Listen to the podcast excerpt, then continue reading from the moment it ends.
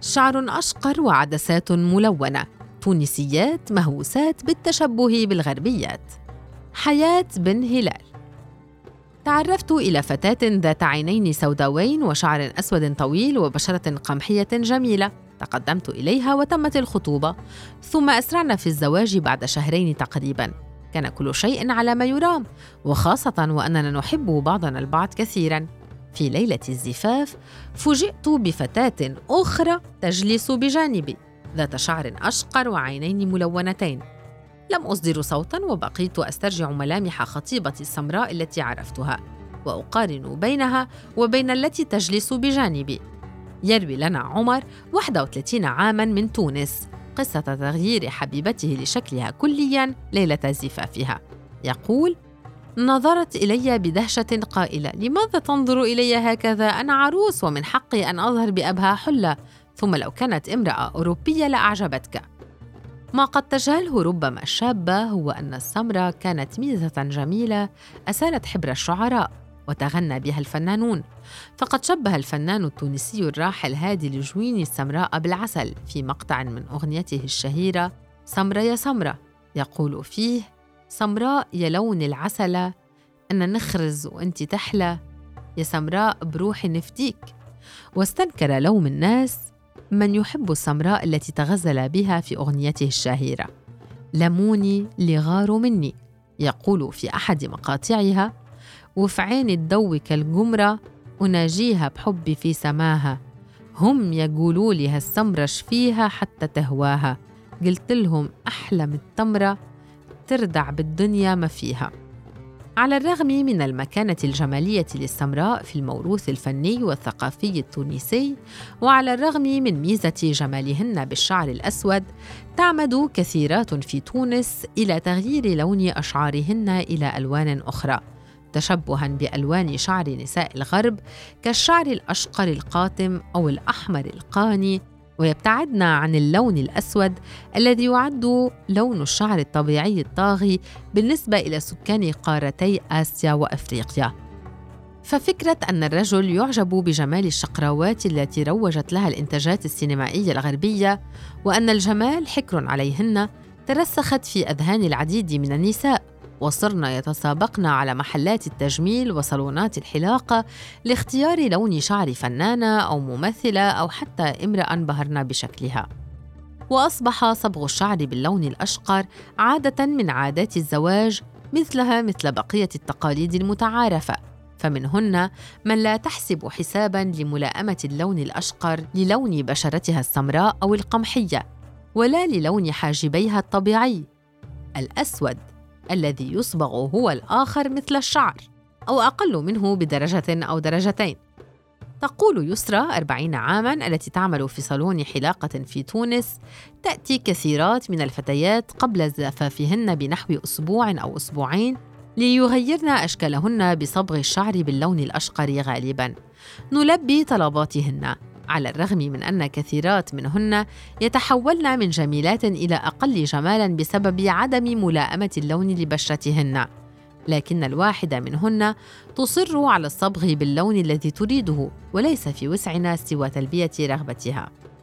يرى عماد ثلاثون عاما من تونس أن تقليد النساء التونسيات للغربيات غير ناجح غالبا ويقول لرصيف 22 صراحة أنا من بين الرجال الذين يحبذون الجمال الطبيعي الذي يكمن في الفتاة العربية الساحرة صاحبة العين السوداء الواسعة والتي يليق بها الشعر الأسود الطويل الذي يمنحها نوعا من الجاذبية.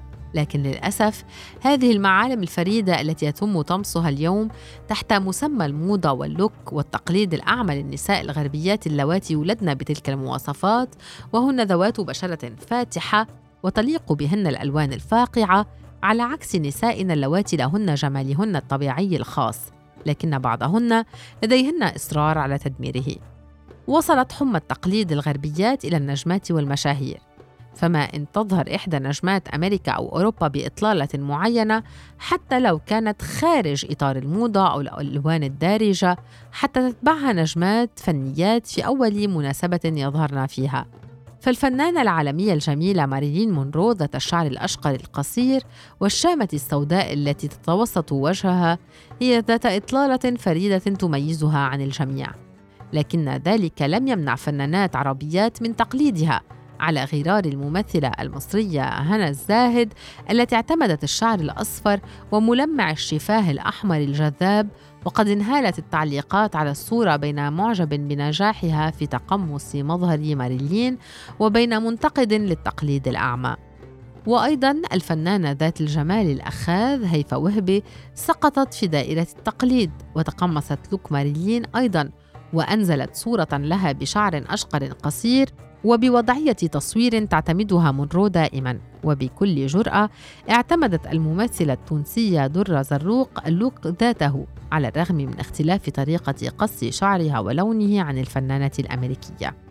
ولقب كثيرون الفنانة السورية سوزان نجم الدين بماريلين مونرو العرب. كونها تعد من أكثر فنانات العرب ظهورا ب look مونرو بشكل دائم إلى درجة أنها خضعت لعملية تجميل تصغير أنفها. كما تحرص نجم الدين خلال ظهورها في المهرجانات السينمائية والحفلات على أن تظهر بملابس تشبه تلك الخاصة بملابس ماريلين مونرو ومكياج يضعها في قالب تلك الممثلة العالمية. وكثيرا ما تستوحي الشاهرات في العالم العربي إطلالاتهن من النجمات العالميات. فقد قلدت الفنانة مايا دياب الممثلة كيم كارديشيان في أكثر من مناسبة.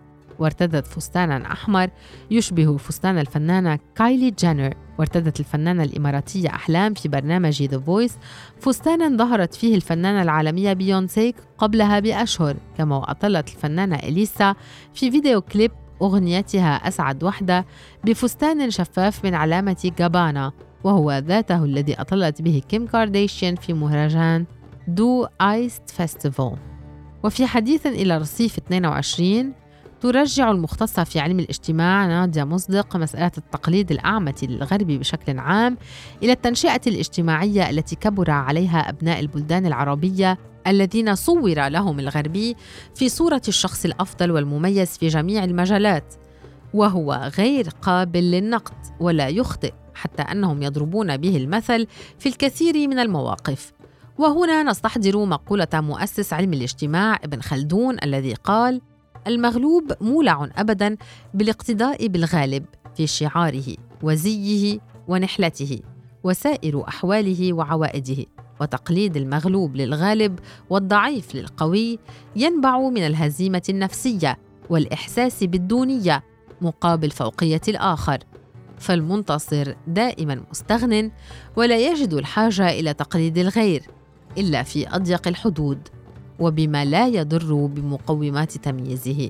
وتضيف مصدق تلك الدول هزمت دولنا بالاستعمار وهي هزيمة عسكرية تحولت إلى هزيمة اقتصادية وتكنولوجية ثم نفسية. فترسخ لدينا أنهم الأقوى والأفضل ونحن التبع فالتقليد الأعمى كما قال المنفلوطي شأن العاجز الضعيف الذي لا يدري بماذا فاقه القوي القادر. فهو يقلده في جميع حركاته وسكناته ظنا منه أنها سر قوته وقدرته وهو بالضبط ما يحدث في المجتمعات العربية اليوم.